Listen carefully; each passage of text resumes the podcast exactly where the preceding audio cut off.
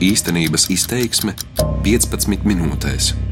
Jebkurai netaisnībai un apspiestībai reiz pienāk gals, par jebkuru verdzību stiprāks ir brīvības gars, jebkurus melus agrāk vai vēlāk izgaismo patiesība. Saņemsim vēl ciešāk viens otra plaukstas un ieskatīsimies viens otra acīs.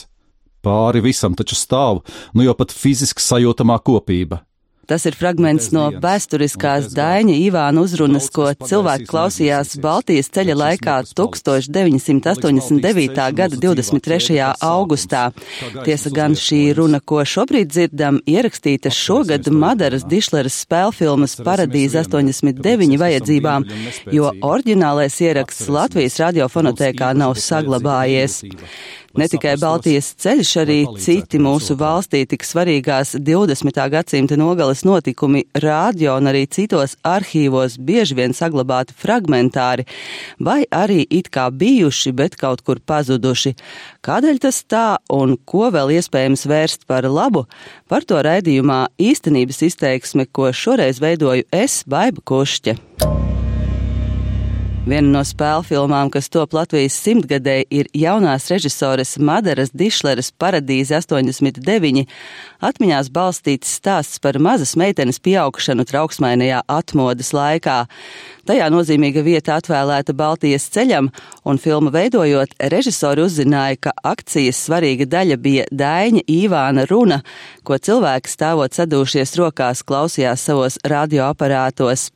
Vēloties to iekļaut filmā, režisori pēc runas taujāja Latvijas radio arhīvā, kur, kā izrādās, šī vēsturiskā ieraksta nav. Tieši tāpat kā nav nevienas intervijas, reportāžas vai sižeta no Baltijas ceļa. Līdzās Madarai Dišlerē pēc šīs skaniskā materiāla vaicāt daudzi, un laikam ejot arvien biežāk, diemžēl Latvijas radioarkīvu vadītājai Gunai Rāgai nākas viņiem atteikt. No Baltijas ceļa nekā nav, nekāda materiāla nav. Viņi bija, jo to atcerās cilvēki, kas ar to ir strādājuši. Viņi atcerās, ka ir bijis tāda runa, kad ir ierakstīta, bet kurā brīdī viņa palika tikai ierakstītā līmenī. Nu, radio viņi pārraidīja to runu, protams, mm -hmm. bet, nu, diemžēl. Viņa līdz arhīvam nenonāca. Vai cilvēki arī mēdz prasīt no nu, iemeslus, kā tas var būt? Mēdz prasīt, nu tas iemesls ir grūti izskaidrojams. Nu, iemesls ir politiskā situācija tajā laikā, cilvēku nedrošība, bailes. Kas būs, ja nu paliek tādi paši laiki, tad tas ieraksts noteikti nebūtu vēlams. Nu, to jau nevarēja zināt, ka būs 90. gadā 4. maija republika un kad mūsu dzīve iegūs neatkarības rāsas. Vēl pieņemt var arī, ka tas ir ļaunprātība bet mēs nevaram to pierādīt. Par to, kā skanēja oriģinālā Daņa Ivāna runa, nelielu ieskatu sniedz Raita Valtera filmas materiāls, kurā viņš padalījies ar Latvijas radio. Šādi mirkļi paliks, jo no tiem jau arī sastāv dzīve. Paliks Baltijas ceļš un mūsu dzīvā ķēde, kā sākums, kā gaismas uzliesmojums. Raits Valters radio atvēlējis nemontētu filmas skaņu, kas radio tagad ir vienīgā skaniskā liecība par Baltijas ceļu. Klausoties to visu to materiālu, tur var saklausīt atsevišķas frāzītes no tās runas. Mm. Man bija doma, kā reiz mēģināt izmontēt ārā, nu, bet tas būtu tāds ļoti filigrāns darbs, bet mm. tik daudz mēs varētu mēģināt kaut ko restaurēt no tās runas. Bet, nu, tie būtu tiešām atsevišķi teikumi, tā nebūtu mm. pilna, nu, diemžēl, jā. Latvijas radioarkīvā nav arī otras liktenīgas Daņa Ivāna runas, kas skanēja 91. gada janvārī un bija aicinājums doties uz barikādēm. Tāpat ļoti fragmentāri saglabājušās skaniskās liecības no tautas manifestācijas meža parkā 1988. gada oktobrī. Toties pilnā apmērā ir saglabāts šī paša gada jūnijā notikušais leģendārais radošo savienību plēnums, kurā Mavriks Vulfsons atklāti paziņo, ka Latvija ir okupēta okupēta, kā arī Tautas frontes dibināšanas kongress un vēl arī citu nemazum svarīgu liecību. Kādēļ kas viens saglabāts, bet cits tikpat svarīgs nē, šis jautājums visdrīzāk vienmēr tā arī paliks bez pilnīgi skaidras atbildes.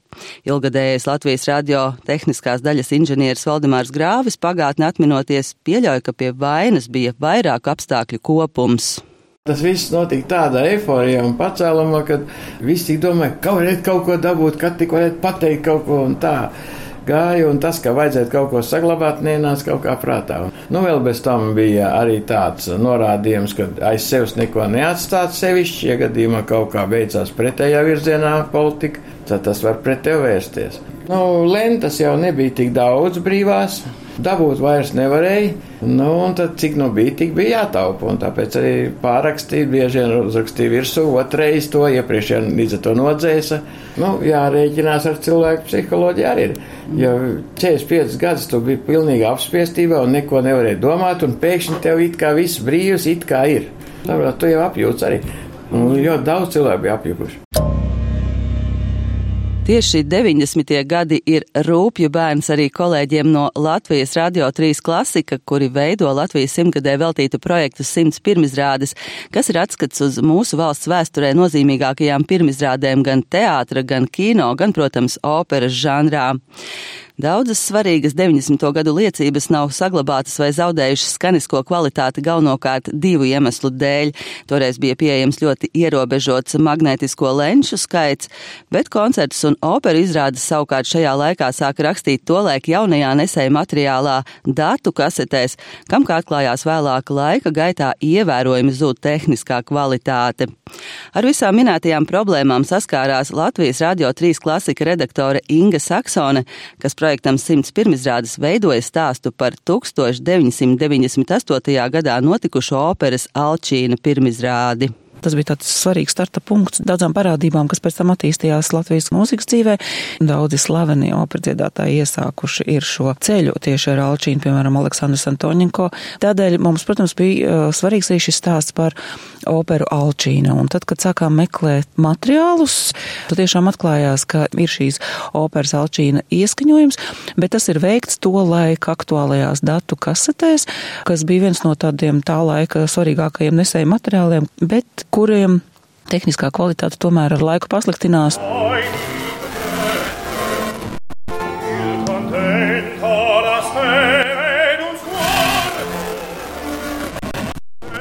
Lūk, mazs fragments, kurā var dzirdēt, kāds ar laika distanci izklausās operas Alčīna ieraksts veikts 98. gadā datu kasetē. Pār laimi vēl ir iespēja to restaurēt un pārlikt citā nesējā, un tas arī šobrīd tiek darīts, lai vēsturē atstātu gan Alčīnas, gan citus 90. gados fiksētus svarīgus operu un koncertu ierakstus. Intervijas, kas savukārt no tiem laikiem nav saglabājušās, ir īstais brīdis ierakstīt tagad. Šie 90. gadi nav vēl tik tālu. Mēs vēl varam tikties ar cilvēkiem, kas ir bijuši klāt šajos kultūra notikumos. No Alčīnas gadījumā ir iespēja tikties, ko mēs arī darījām ar diriģentu Andru Veismani, ar galveniem solistiem. Ir ļoti svarīgi sagaidīt Latvijā, atkal atbraucam režisoru Kristīnu Vus, kas darbojas ārzemēs, bet kas bija šie studējumi režisori. Vienkārši fiksēt šos atmiņu stāstus, kas magnetofona lentā vairs nav atrodami, bet mēs vēl varam fiksēt. Mūsdienās rakstītas intervijas kopā ar daudziem neredzētiem atmodas laika kadriem veidos arī Romalda Pipara jaunās dokumentālās filmas vēsturēs kadra pamatu. Filmas centrā būs tie, kas parasti paliek aiz kadra - kino operatori un režisori, viņu veikums un portreti toreiz un atmiņas tagad.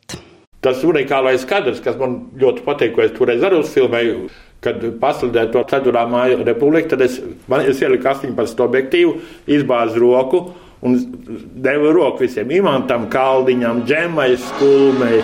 Albertam Bēlam. Tā Romalda Pipera filmā kinooperators Andris Seleckis iemūžināts neilgi pirms viņa aiziešanas mūžībā pagājušā gada sākumā. Šie kadri īpaši spilgti apliecina, cik svarīgi sarunas ar tiešajiem atmodas lieciniekiem neatlikt uz vēlāku laiku, jo tad atkal var nākties nožēlot savu neizdarību un tuvredzību. Tāpat kā Andris Seleckis, arī topošās filmas autors Romalds Pīpārs atmodas gados bija viens no tiem kino cilvēkiem, kas atradās notikumu epicentrā, fiksēja ļoti daudz, bet arī viņš šo laiku sauc par savu sāpju bērnu, jo dažādu iemeslu dēļ daudz kas vērtīgs aizgāja zudumā. Tur tas stāsts sastāv no dažādām lietām.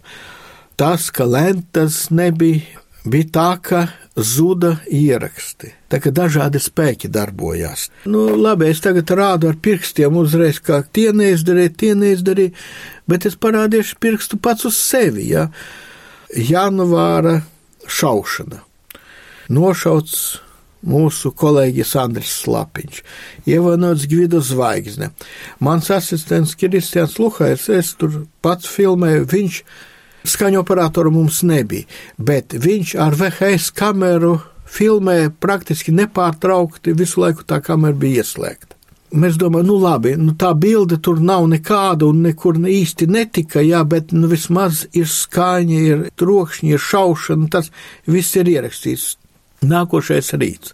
Latvijas rādio ziņo, ka lūk, vajag noskaidrot slepkavus un tā tālāk, ka ir nodibināta prokuratūrā kaut kāda tur grupa, kura īpaši svarīgus izmeklēs notikumus.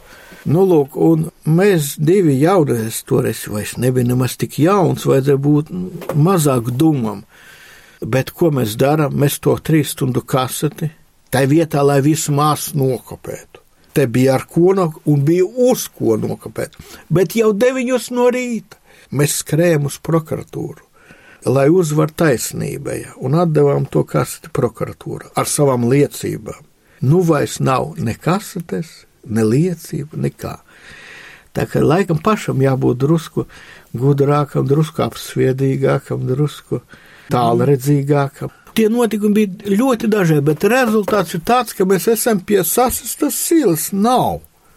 Labi, tagad veidojot filmu vēsturē skadra, jā, tādas savācot to, kas tā kā izslīdējis no rokām ārā, no uzmanības, ka to saliekot kopā, nu varbūt kaut ko mēs atkal savāksim kopā, varbūt tad varēs visi kopā tā kā arī lietot. Bet ir zudis tik ļoti daudz, ka tās ir tikai atsevišķi vizulīši, kas ir palikuši, bet tomēr ir palikuši. Straujās pārmaiņas valstī līdz ar to arī dažādu iestāžu darbībā, kas no valsts iestādēm kļuva par privātām, 90. gados radīja pamatīgas jukas arī Latvijas Nacionālā arhīva darbībā.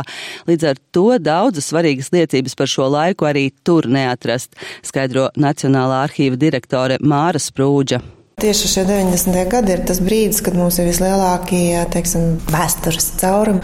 Tas ir brīdis, kad mainās valsts un kad mainās arī organizācija darbība. Un līdz ar to ir tādi brīži, nu, kad īsti nevar saprast, kas par ko atbild, kam kas pieder.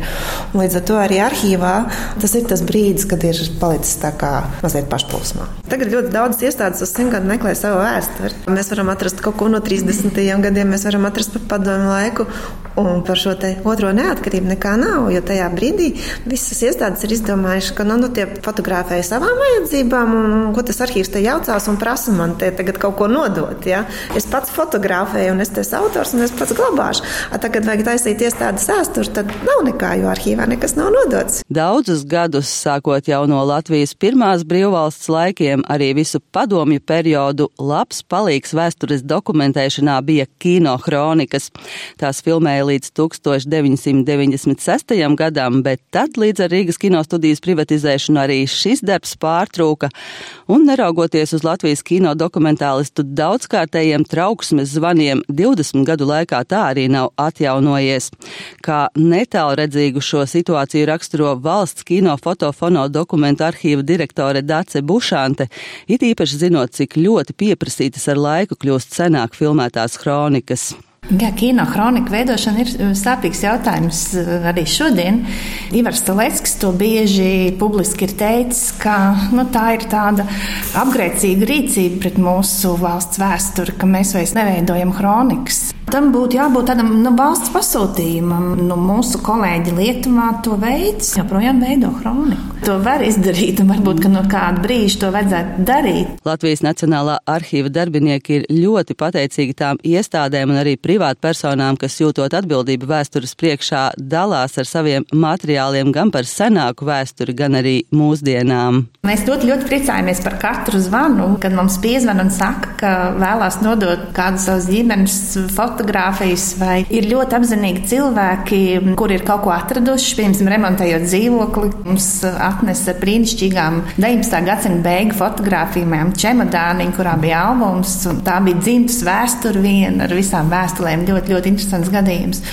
Es varu tikai aicināt uzticēties arhīvam un uh, pārskatīt savus ģimenes arhīvus un dalīties ar arhīvu.